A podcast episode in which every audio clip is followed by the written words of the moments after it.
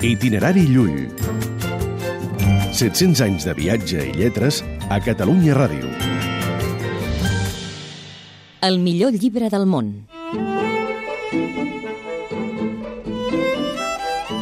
Preocupat pel sentit que havia de donar la seva existència, Ramon Llull va decidir que havia de treballar per la conversió dels no cristians.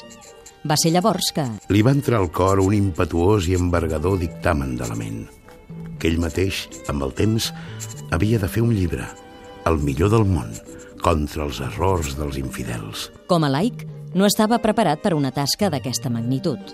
N'era ben conscient. Com més se n'estranyava, més fort aquell instint de fer el llibre creixia dins seu. No hi van valdre dubtes i el va acabar escrivint. És autor de més de 260 títols. Itinerari Llull.